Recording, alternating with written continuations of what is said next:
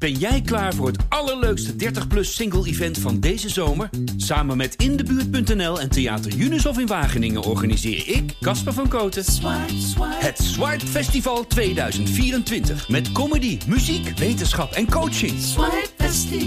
Maar vooral heel veel leuke mensen. Bestel nu je kaart op swipefestival.nl. Swipe, swipe.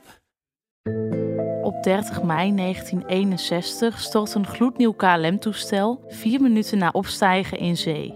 Niemand overleeft de klap. En later besef je pas dat er heel weinig over is bekendgemaakt. Dit is een verhaal over botsende belangen. Het lijkt wel een betonnen muur waar je niet doorheen komt. De wil om te accepteren en toch altijd blijven zoeken. Alles wil je weten.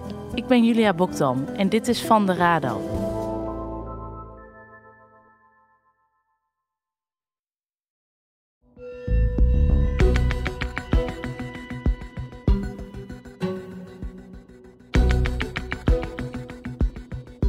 Je luistert naar De Stiefmoedermoord, een podcast van het AD. In 1986 bekent de 15-jarige Samir de moord op zijn stiefmoeder en wordt hij veroordeeld tot een lange gevangenisstraf.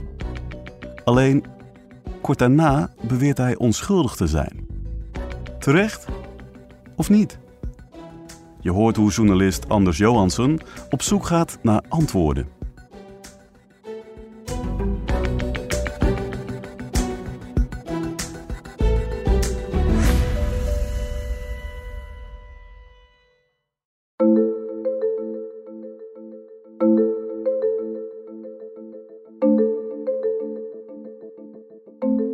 Vooralsnog heb ik geen bewijs gevonden dat Samir haatdragend of agressief zou zijn. Samir werd ontoerekeningsvatbaar verklaard en daarvoor behandeld. Maar de belangrijkste reden daarvoor was dat hij volgens zijn arts niet thuis hoorde in de gevangenis. Ik heb ook onderzocht of de bekentenis van Samir juridisch relevant is. Dus wordt zijn bekentenis daadwerkelijk ondersteund door het overige bewijs dat is gevonden. In deze aflevering zal ik dit verder onderzoeken. En twee deskundigen zullen me hierbij helpen: Sonny Björk en Olle Lindqvist. Daarmee hoop ik er nieuw licht te kunnen werpen op deze zaak, die inmiddels alweer zes maanden op mijn bureau ligt. Het onderzoek is verdomd slecht uitgevoerd. Het eerste waar ik naar zou kijken zijn die schammen. Natuurlijk kun je het verschil wel zien tussen schammen van een groot mes en schammen die gemaakt zijn met een scheermesje.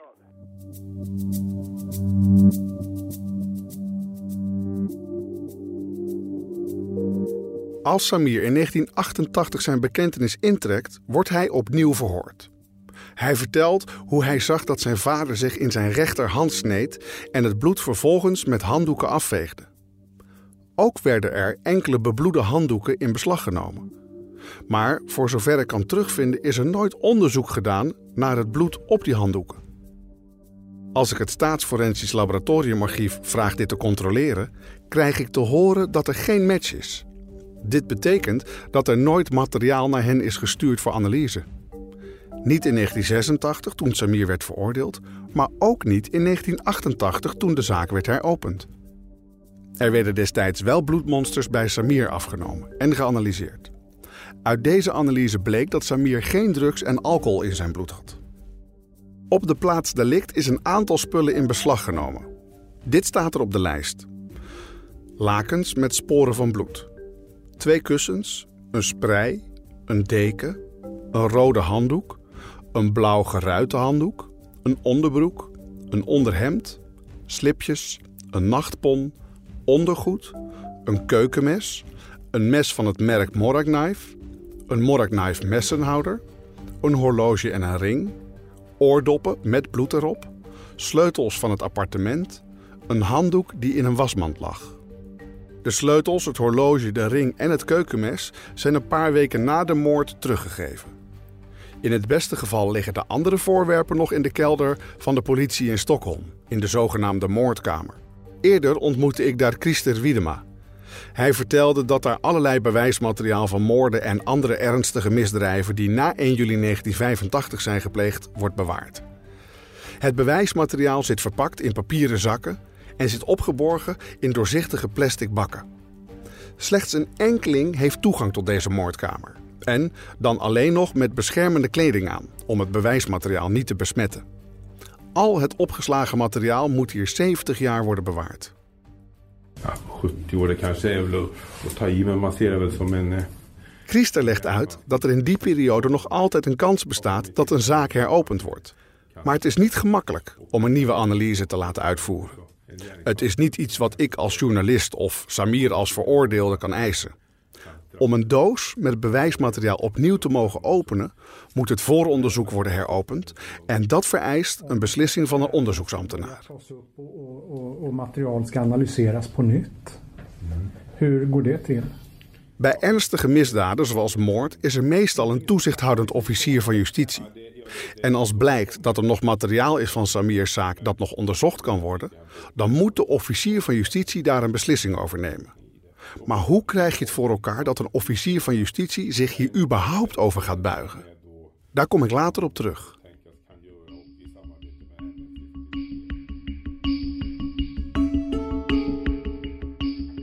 Van de in beslag genomen spullen zijn de handdoeken en oordoppen met bloed erop natuurlijk erg interessant. Maar het meest interessante is het moordwapen, het Mora-mes, als dat er nog is. Samir vertelde dat hij zag dat zijn vader zichzelf sneed met het mes en vervolgens het bloed zag afvegen aan handdoeken.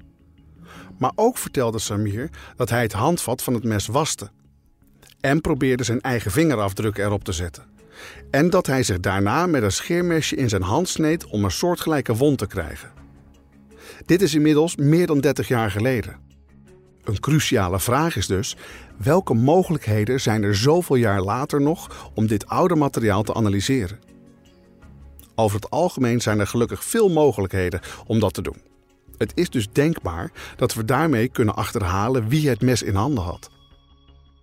Marie Ellen is hoogleraar forensisch genetica aan de Universiteit van Uppsala.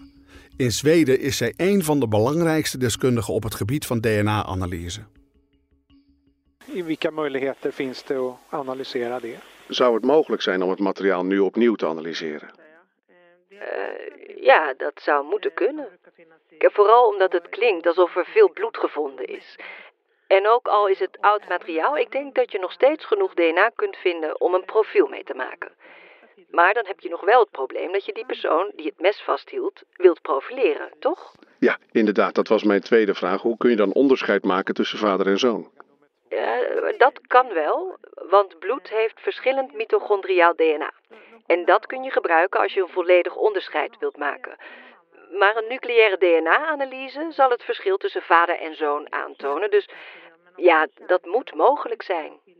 De zoon heeft ons verteld dat hij het handvat van het mes heeft afgespoeld en toen zijn eigen handafdrukken erop heeft gezet. Tijdens het onderzoek hebben ze alleen maar naar vingerafdrukken gezocht, maar ze konden niets herkenbaars vinden. Dus het lijkt erop dat ze niet naar bloed hebben gezocht. Ja, zelfs als het mes destijds is afgespoeld, kunnen er nog steeds bloedresten achtergebleven zijn op het handvat. En die zou je nu nog kunnen onderzoeken. Professor Marie Ellen is ervan overtuigd dat het geen probleem is dat het voorval inmiddels meer dan 30 jaar geleden is. Dat er nu nog DNA gevonden kan worden, zelfs als het handvat van het mes is afgespoeld. En dat het mogelijk is om een DNA-profiel te vormen uit slechts enkele cellen.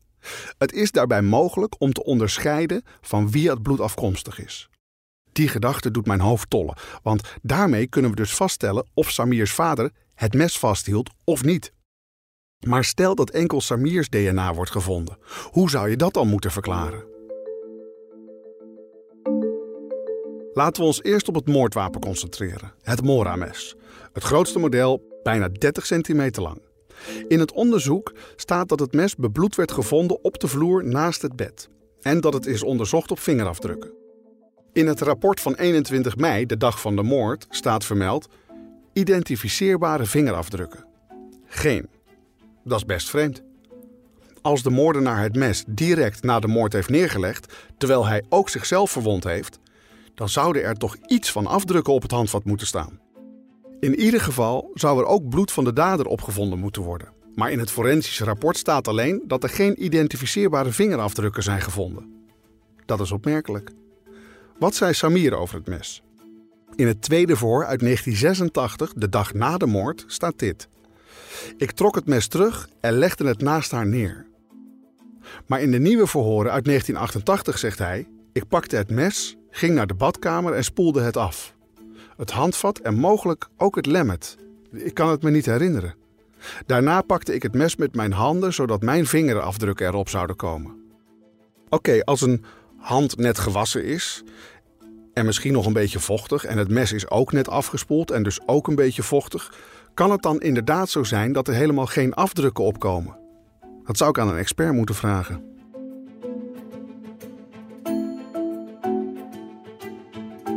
Mijn behoefte om met meer deskundigen te gaan praten wordt sowieso steeds groter. Zeker wanneer ik de 25 beelden uit het technisch rapport nog eens doorneem. Zwart-wit foto's tonen de binnenkant van het appartement. De gang, de keuken, Samir's kamer, de slaapkamer waar de moord plaatsvond, het bed, close-ups van het lichaam, het mes, foto's van de autopsie, foto's van Samir's kleren. Ik heb deze foto's ontelbare keren bekeken. Maar nu ik ze allemaal naast elkaar heb gelegd, dringt het ineens tot me door. Er klopt iets niet. Ik heb eerder gesproken met Sonny Björk, een gepensioneerde detective en forensisch wetenschapper met meer dan 30 jaar ervaring in moordzaken. Er is één ding in het bijzonder dat ik hem wil laten onderzoeken. Op de lakens van het tweepersoonsbed zitten veel duidelijke bloedspetters. Aan het hoofdeinde zijn het net zwarte stippen. Sommige zijn niet groter dan 5 of 6 mm, het formaat van een potloodpunt. Andere spetters zijn meer dan een centimeter groot. Ze zitten op beide kussenhoezen.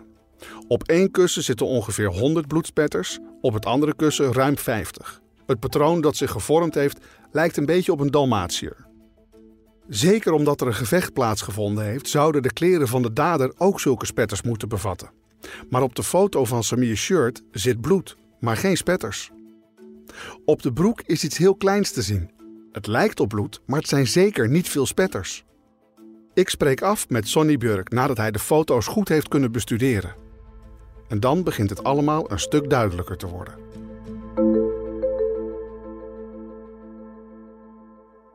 I, vid den här typen av dåd, då är ju gärningsmannen... Bij dit soort zaken, de, nou ja, we kennen het aantal steekwonden. Er is veel, heel veel gestoken met een mes vanaf slechts een armlengte afstand. Als je al deze spetters ziet, dan moet het bloed rondgespoten hebben. Dus hoe zou jij verwachten dat het shirt van de dader eruit ziet? Nou, dan moeten de spetters zowel op het shirt als op het ondergoed zitten. En als de dader vooral op het bed zat, dan moet hij op zijn knieën hebben gezeten. Dus daar moet dan ook behoorlijk veel bloed zitten. Maar zoals je kunt zien, kijk, zitten er op het t-shirt verrassend weinig bloedspatten. Op sommige plekken is de aorta geraakt. En dat zal enorm gebloed hebben. En het is niet zeker of het er uitgespoten is, maar je kunt het bed hier zien. Zoveel bloed. En er lijken afdrukken van een ander bloederig voorwerp te zitten. Maar dat het er zo weinig zijn, zo weinig bloedspatten op het t-shirt zelf, ja, dat vind ik echt opmerkelijk. Ja, en toen ik de foto vergrootte, kijk hier, de- dit is het midden van de maag. Je kan het patroon zien, maar er zitten geen stippen of spatten. Dus het. Ja. Ja, kijk, als je naar de vorm kijkt, dan lijkt het erg op een bloedvlek. Kijk, als je het naast deze legt en je kijkt naar de bovenste rand en dan deze rand hier, die komt naar beneden in een punt. En de onderkant, die je hier ziet, kijk, die zie je daar ook. Moet je kijken.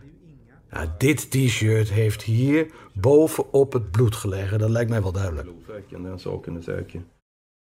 Sonny Björk vindt het ook vreemd dat op het shirt niet dezelfde bloedpatronen zitten als op het bed. Hij is er zeker van dat Samir's shirt tegen de bloedspetters op het bed is gedrukt. En dat is precies waar Samir op wees toen hij zijn bekentenis introk. In de verhoren van 1988 zegt Samir dat hij naar buiten rende en de bebloede kleren van zijn vader naar buiten gooide, waarna hij zijn eigen kleren insmeerde met het bloed dat op het bed lag. Samir eiste toen al dat de politie het bloed op zijn kleren zou onderzoeken. Maar het is duidelijk dat de verhoorder Samirs verhaal toen niet geloofde. Hier horen we een jonge Samir en de ondervrager uit 1988. Står man och hugger någon och så blodet sprutade som jag såg. Als je staat en iemand neersteekt en het bloed spettert rond, dan, dan moeten er toch bloedspatten op je kleding zitten? Ik weet het niet. Ik ben geen technicus of expert en kan niet bepalen of er al dan niet bloedspatten zijn. Je kunt toch aan het shirt zien of het gewreven is of zo? Bedoel je dat je, terwijl je vader en broer weg zijn, teruggaat naar de kamer waar die vrouw ligt... en dat je, terwijl je daar een verschrikkelijke situatie ziet, daar gewoon gaat liggen? En dat je door het bed begint te rollen, door haar bloed in het bed? Wat had ik dan moeten doen? Het was voor mij ook verschrikkelijk. Det var ju hemskt för mig också. Samir wil dus in 1988 het bloed op zijn shirt laten analyseren. Maar volgens de rapporten is zo'n onderzoek of analyse nooit uitgevoerd. Ook het mes werd niet onderzocht. Forensisch wetenschapper Sonny Björk kan daar meer over vertellen. Är... De dader, wie het ook is, heeft zich dus gesneden en begint te bloeden. Er zit dus bloed op het handvat van het mes. Dat had toch opgemerkt moeten worden? Nou, zou dat mes moeten controleren op bloed en moeten analyseren wiens bloed dat was. Vooral omdat hij verwondingen aan zijn hand had. Dus het is erg vreemd dat ze dat niet gedaan hebben. En ik ben ook verbaasd dat het mes niet is opgestuurd voor analyse. Ze hebben alleen gezocht naar vingerafdrukken en namen aan dat wat de jongen zei waar was. Maar toen begon het. Toen begon het. Onderzoekers namen Samirs bekentenis kort na de moord voor waar aan. En dat leidde ertoe dat een groot aantal routineonderzoeken nooit is uitgevoerd. Zoals een bloedonderzoek op het mes of monsters van het vuil onder de nagels van zowel het slachtoffer als de vermoedelijke dader.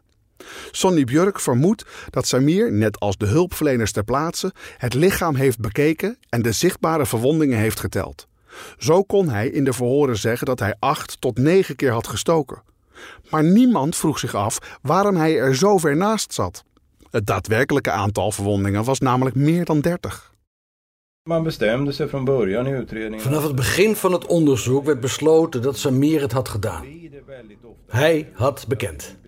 Dus hij was schuldig. En daarom ontbreekt er nog zoveel. Kijk, als hij toen had ontkend dat hij het had gedaan, dan had men naar alternatieve daders moeten zoeken. En dan zou Samir enkel via een forensische manier aan de misdaad gekoppeld kunnen worden. Alleen is dat nooit gebeurd. Het is nooit gebeurd omdat hij bekende. En er is direct aangenomen dat hij de waarheid sprak. Dus je kunt niet zeggen dat hij forensisch verbonden is met de zaak. Nee, dat denk ik zeker niet. Althans, dat zou ik niet zeggen. Ik denk dat je niet zonder twijfel kunt zeggen dat hij het gedaan heeft. Er is juist gereden twijfel dat hij het gedaan heeft. Att det Sonny Björk twijfelt dus aan de schuld van Samir. Maar ik wil nog een stap verder gaan. Ik wil de twijfel helemaal wegnemen. Ik wil kijken of het mogelijk is om Samir volledig uit te sluiten als dader. Vanaf het moment dat een persoon sterft, zal er lijkstijfheid optreden. Rigor mortis, zoals de medische term luidt. De stijfheid is volledig ontwikkeld na ongeveer 12 uur. Daarna neemt het weer af. Lijkschouwers en forensisch artsen gebruiken tabellen om vast te stellen hoe lang iemand dood kan zijn geweest. Toen ik deze zaak begon te onderzoeken, was de rigor mortis gelijk iets dat mij opviel. Het leek erop dat het lichaam langer had gelegen dan uit Samirs bekentenis bleek. In het verslag staan drie verschillende aantekeningen over hoe ver de rigor mortis was gevorderd. De aantekeningen zijn zo gedetailleerd dat het mogelijk moet zijn om terug te tellen. Dan kunnen we er misschien alsnog achter komen hoe laat de moord plaatsvond. Daarmee kunnen we dan bewijzen welke versie van Samirs verhaal de juiste is. De versie waarin hij zijn stiefmoeder zelf even na 8 uur ochtends heeft doodgestoken. Of de versie waarin hij getuige was van de moord, die veel eerder in de ochtend plaatsvond, rond de klok van 5 uur. Met andere woorden, op een tijdstip dat zijn vader en broertje ook nog in de flat waren.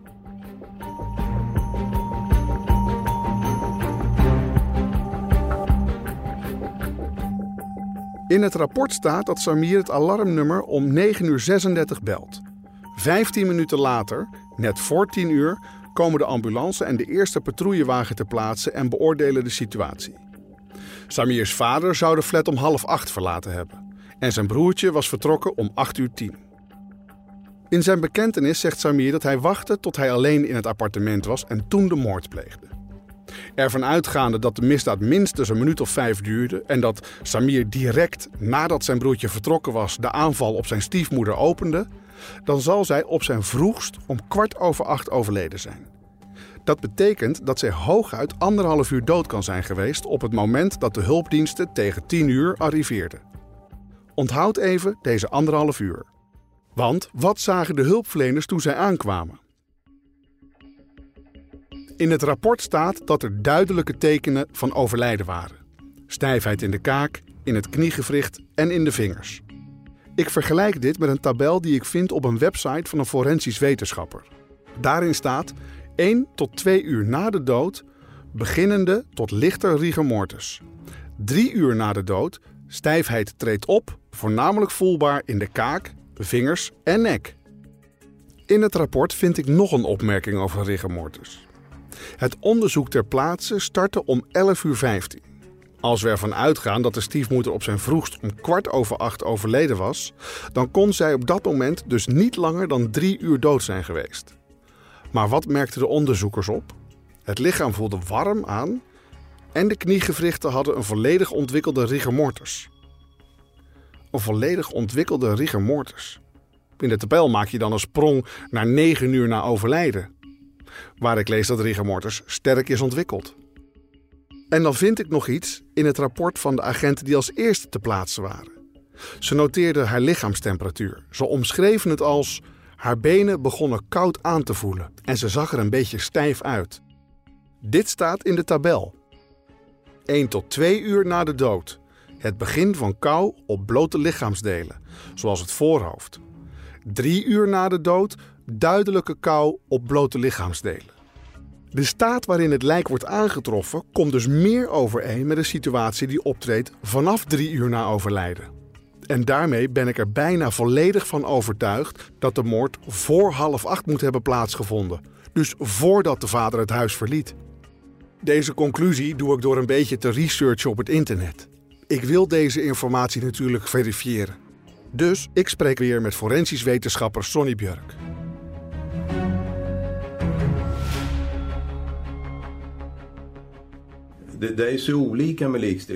Rigor mortis kan zich op verschillende manieren voltrekken.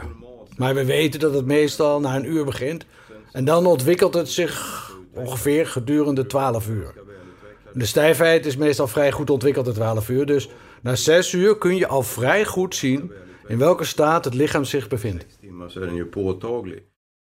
Dus na zes uur kun je stijfheid duidelijk zien, volgens Sonny Björk. De onderzoekers schreven in het rapport dat de rigor mortis om kwart over elf volledig ontwikkeld was. Als je dan zes uur eerder terugrekent, kom je dus uit op vijf uur ochtends. Kan de moord toen hebben plaatsgevonden? Ik neem contact op met Olle Lindqvist, een docent forensisch geneeskunde die eerder werkte bij het Forensisch Medisch Instituut in Uppsala. Hij is inmiddels met pensioen. Hij heeft gewerkt aan een aantal geruchtmakende moordzaken. Ook was hij betrokken bij verschillende onderzoeksprojecten, waaronder een studie naar alle moorden in Zweden, over een periode van 30 jaar, waarbij slachtoffers in stukken gesneden werden. Onderdeel van dit onderzoek zijn schematische schetsen van de manier waarop de slachtoffers in stukken zijn gesneden. Ik vraag Olle Lindqvist of hij op basis van zijn eigen ervaring kan beoordelen welke versie van de moord het meest aannemelijk is. Is het mogelijk dat Samir zich met een scheermesje in de hand heeft gesneden in plaats van met een morames? En is het aannemelijk dat Samir tijdens de steekpartij geen bloed op zich kreeg, maar zijn eigen kleren achteraf met bloed besmeurde? En kan het zijn dat de moord voor half acht heeft plaatsgevonden, dus toen zijn vader nog in de flat was en voordat hij naar school moest? Olle geeft terecht aan dat we niets hebben aan de constatering van de eerste agenten dat de benen koud aanvoelden. Terwijl de onderzoekers een uur later juist constateerden dat het lichaam warm aanvoelde. Om zoiets met zekerheid te kunnen zeggen, had de lichaamstemperatuur op de ouderwetse manier gemeten moeten worden. Om met zekerheid te kunnen zeggen wat het tijdstip van het overlijden is, moet je rectaal de temperatuur meten. Het maakt niet uit of het lichaam ontkleed of aangekleed is, je moet een constante temperatuur hebben. Als je een raam opent en vervolgens de temperatuur in de kamer meet, dan daalt het in eerste instantie langzaam en ook weer langzaam aan het einde. Je moet het zien als een S-curve, waarbij de temperatuur in de tussenliggende periode het snelst daalt. De meest veilige manier is dus om de rectale temperatuur 10 tot 16 uur te meten nadat je denkt dat de dood is ingetreden. Vervolgens neem je het elk uur en dan kun je rekening houden met de punten die je krijgt als de omgevingstemperatuur daalt. Zo kun je uitzoeken wanneer het overlijden heeft plaatsgevonden. Als we aannemen dat de persoon 37 graden is en de temperatuur in de kamer constant is geweest. 37 grader och temperaturen i rummet vart konstant då. Er is nooit een temperatuur gemeten bij het slachtoffer. Dus dat kunnen we niet gebruiken om het tijdstip van de moord te bepalen. Wat betreft Samirs handletsel zijn er volgens Olle Lindqvist duidelijke problemen. Hij vindt het een grote fout dat er nooit foto's zijn genomen van de hand zelf. En dat gezien de beschrijving in het rapport de gevonden krassen er sterk op wijzen dat ze zelf zijn toegebracht. Er is dus geen foto van, maar afgaande op de beschrijving lijkt het erop dat ze richting de knokkels gingen. Maar hoe kreeg hij dan drie van zulke wonden door dat Mora-mes? Dat kan helemaal niet. Hij krabde ze zelf met een scheermesje. En het lijken oppervlakkige krassen en die krijg je niet als je jezelf verwondt met een mes. Dan krijg je diepe sneden. Zeker gezien de kracht waarmee de messteken zijn gedaan. Olle bestudeert uitgebreid het forensisch en technisch rapport. Hij bekijkt ook zorgvuldig de foto's van Samir, de in beslag genomen kleding en van de plaats delict. S'avonds laat krijg ik een e-mail van hem. Hij schrijft: Ik heb de zaak opgelost. Wat bedoelt hij? Is dit een grap of. De volgende ochtend gaat de telefoon. Als je de foto's van Samir's shirt bekijkt, wat kun je dan concluderen? De bloedvlekken. Die lijken een afdruk te zijn. Van een bloederig oppervlak. En je kan zien dat er delen zijn, soort van strepen in de afdruk, waar geen bloed zit. Dus ik kan me voorstellen dat hij dit hem tegen het bebloede beddengoed heeft gedrukt. Op een laken of een dun sprei dat daar lag. En door vouwen in die stof heeft het niet overal op het shirt bloed achtergelaten. Oh, dus je bedoelt dat het shirt niet tegen een bebloed lichaam heeft gezeten, maar tegen een bloederige substantie? Het is een wat diffuus en zeer dun laagje bloed. Denk je dat hij op het bed heeft gelegen en zijn kleding er tegenaan heeft gedrukt? Dat zou kunnen. Ik weet niet hoe, hoe het er eerst uitzag. Of het beddengoed misschien is verplaatst. Dat is moeilijk te zeggen. Maar dan die verdomde trui. Ik zie geen bloedspatten en er zit ook geen bloed op de broek. Dat had wel gemoeten als je denkt aan zo'n 30 steekwonden waar het bloed uitgespoten is en waarbij de armen zijn gebruikt om het af te weren. Ja, want als je naar het bed kijkt, op beide kussens zitten grote spetters. Hij had echt onder moeten zitten als hij daar ter plekke was. En zoals ik al zei, staan er ook een paar notities in het rapport over rigor mortis. Hoe lang denk jij dat ze al dood was toen ze arriveerde? We weten dat volledige rigor mortis optreedt na 6 à 9 uur. Dus het kan 6 à 9 uur geweest zijn. Eh, Je moet dus even terugtellen. Ja, want volgens Samir Ja, ergens in de nacht, daar kom je dan op uit. zes tot negen uur dus. Maar dat klopt niet met wat hij als eerste zei, dat hij haar had doodgestoken en toen een uur heeft zitten wachten. Nee, dat kan niet. Want dan zou er enkel wat stijfheid zijn in, de kaak, in, in het kaakgewricht. Dus er is geen twijfel dat ze al minstens zes tot negen uur dood was. 6 à 9 uur, ja. Dus het kan best waar zijn wat hij zegt in zijn tweede verklaring. Dat hij zijn eigen kleding heeft bevlekt met bloed dat er al lag. Ja, dat zou kunnen kloppen, ja. Maar dus ook dat de moord vele uren voordat hij het alarmnummer belde plaatsgevonden heeft. Ja, zeker weten. En dat was dus voordat de vader en zijn broertje het huis hadden verlaten.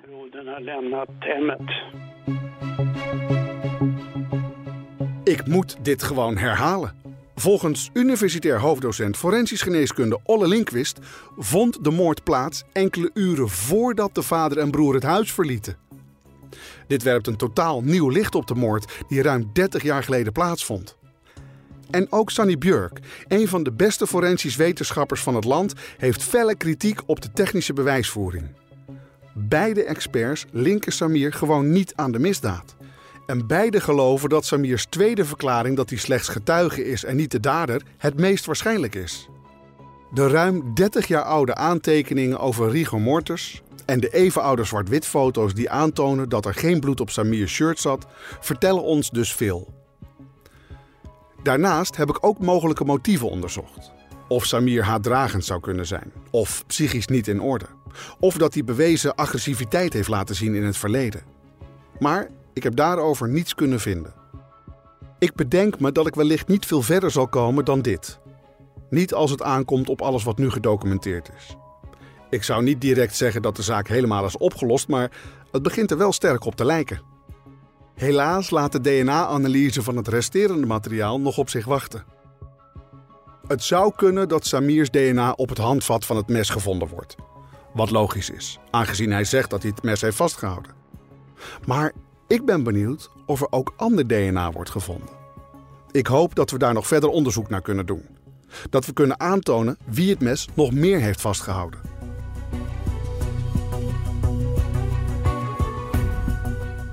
En als Samir niet de moordenaar blijkt, dan moet het iemand anders zijn. Maar wie? Samir zegt dat het zijn vader is. Als ik zijn vader op dezelfde manier onderzoek als dat ik Samir heb onderzocht, wat zal ik dan vinden? Kan ik bij hem wel aantonen dat hij haatdragend of agressief was? En zijn stiefmoeder, wie was zij eigenlijk? Hoe was hun relatie? Is er een duister familiegeheim? Dit onderzoek ik allemaal de volgende keer in de stiefmoedermoord.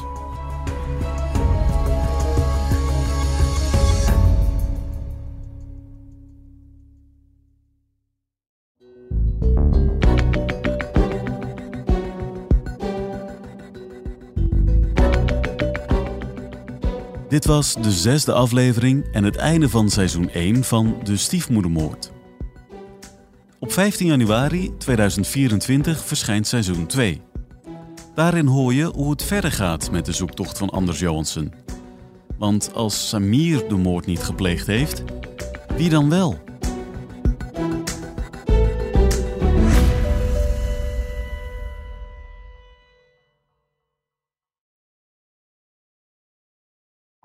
In december 2020 wordt het dorpje Halsteren opgeschrikt door een plotseling overlijden. Dat was echt een donderslag bij heldere hemel. De dood van geliefd supermarktondernemer Chris Ginwis. Chris is dood. Ik zeg, Chris is dood. Ah joh, dat kan niet. Al snel vinden mensen in het dorp en de politie de omstandigheden verdacht.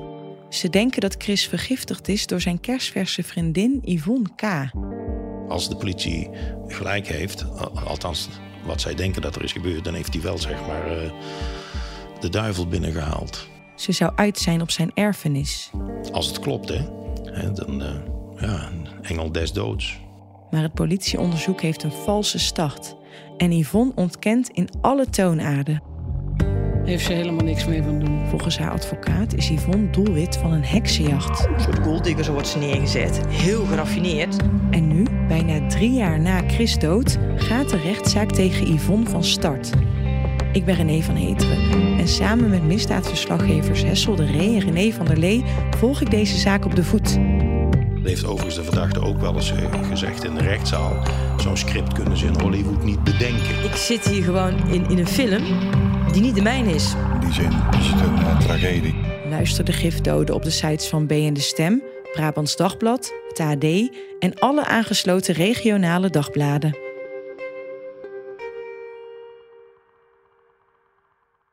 Ben jij klaar voor het allerleukste 30-plus single-event van deze zomer? Samen met Indebuurt.nl en Theater Unisof in Wageningen organiseer ik, Casper van Koten, het Swipe Festival 2024. Met comedy, muziek, wetenschap en coaching. Swipe Festival. Maar vooral heel veel leuke mensen. Bestel nu je kaart op swipefestival.nl. Swipe, swipe.